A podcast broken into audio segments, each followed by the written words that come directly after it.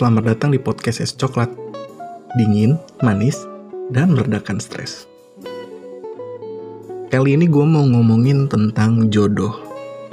Salah satu faktor masalah terbesar bagi sebagian banyak manusia di dunia ini. Ini pendapat Es Coklat tentang jodoh. Percayakah kalian dengan kalimat jodoh itu di tangan Tuhan? Dan kalimat kalau jodoh nggak akan ke mana. Percaya nggak? Kalau kalian percaya, harusnya kita sepakat kalau arti dari kedua kalimat itu adalah perbanyaklah pacarmu. Loh, kenapa? Begini, banyak dari kita yang sudah mati-matian setia, berjuang, mempertahankan pacar atau pasangan kita dengan jangka waktu yang panjang sampai bertahun-tahun malah. Tapi endingnya putus macem-macem masalahnya kenapa bisa putus. Dan kalau ditanya sama temen lo, eh, lu kenapa dia putus? Padahal udah lama lo kalian pacaran. Kan sayang banget. Terus cuma bisa jawab, ya namanya juga belum jodoh. Banyak juga yang baru seminggu jadian atau sebulan jadian langsung nikah. Dan bahkan awet sampai tua. Sampai mati malah. Dan kalau ditanya sama temen lu, eh kok bisa sih harmonis terus?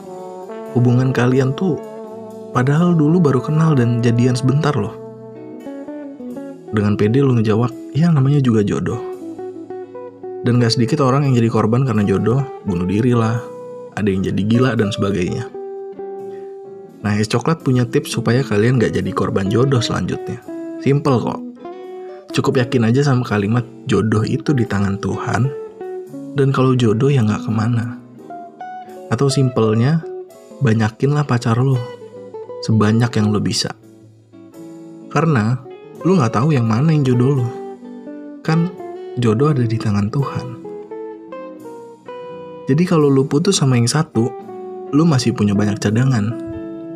Kalau akhirnya putus semua, ya lo tinggal cari lagi aja. Jangan galau, jangan sedih. Toh, kalau jodoh nggak akan ke mana ya gitu aja terus sampai ketemu yang mana yang jodoh lu. Sepakat nggak? Kalau kita semua sepakat, nggak akan ada lagi korban-korban jodoh yang berjatuhan di bumi ini. Sampai ketemu di podcast Es Coklat selanjutnya. Jangan julid dan be smart, karena julid nggak akan merubah orang jadi lebih baik. Bye.